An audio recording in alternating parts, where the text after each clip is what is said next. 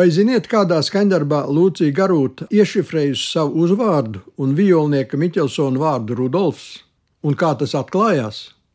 Par to es gribētu pastāstīt, bet ar mazu ievadiņu.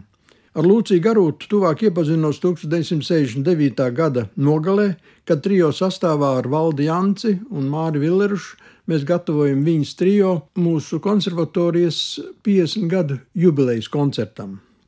Un pēc koncerta komponists katram no mums uzdāvināja Silvijas Stumbras sarakstīto grāmatu par Lūcijas Garūtas dzīvi un darbu ar ļoti skaistu ierakstu mūsu mīļās Jāzepa Vītola Latvijas konservatorijas 50 gadu svētkos Jurim Švalkovskim sirsnīgā pateicībā par manam trijo dāvāto sirsnību Lūcija Garūta.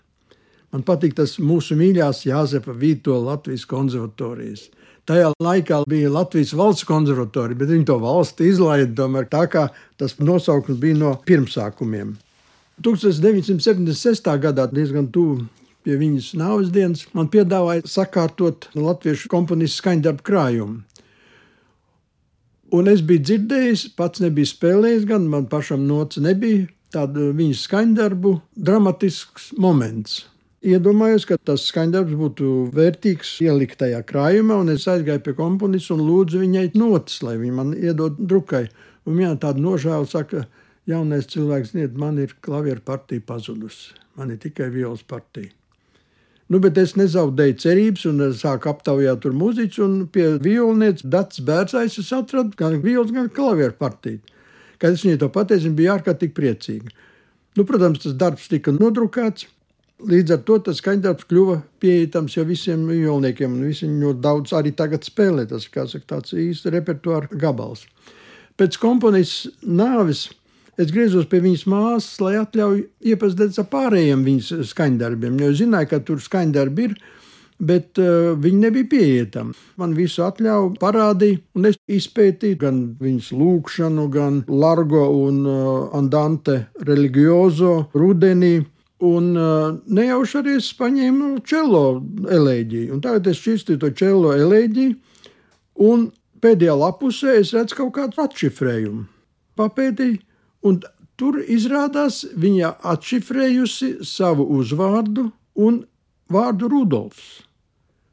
Izmantojot noša, dažādu veidu apzīmējumus, gan burtu, gan zilbju apzīmējumus, tos sakombinējot, kādreiz no zilbju atzīmēm izmantoja tikai pirmo burtu un izveidojās, kā saka, tie motīvi. Man liekas, ka viņi to turēja lielā noslēpumā. Viņi man to neatklāja. Kā redzams, arī viņa stumbrei to nav atklājusi. Grāmatā tas arī nav. Es personīgi domāju, ka tur slēpās kaut kas romantisks, ko viņi negribēja nevienam atklāt. To es atklāju jau pēc Lūcijas Garūtas nāves, atrodot uz nošu lapas šo atšifrējumu. Tā tad uh, garūta, uzvārds garūta. G-A, tas ir skaidrs, sol, la, no re viņi paņem tikai pirmo burtu, un ut, tas ir citā interpretācijā, tas ir do, un iznāk garūta. Sarežģītāk ir ar Rudolfu. Tātad viņi ņem re pirmo burtu, ut pirmo burtu, ru, do pilnu burtu, iznāk rud, do, no la pirmo burtu, l, no fa pirmo burtu, f, no sol pirmo burtu, s. Iznāk eh, motīvs ar šiem burtiem. Un to viņi izmanto nelielā darbiņā, teika.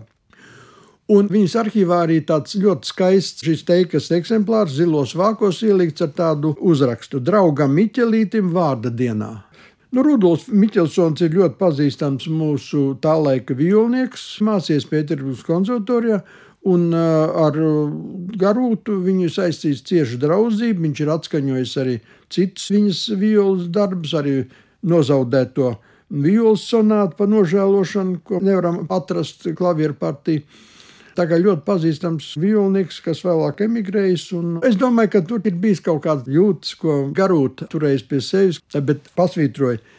Ne viņa man to atklāja, bet vienkārši mans atradums uz viņas notīm, kas bija saglabājies uz Elēģijas čelām manuskripta, pēdējās lapus. Sol, la, re, do. Un tālāk jau.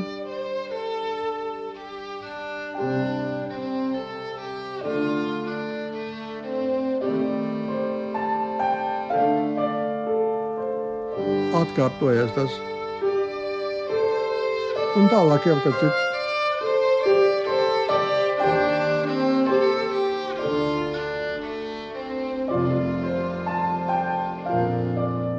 Un tagad Rudolfs. Re, do, pa, tā, rā,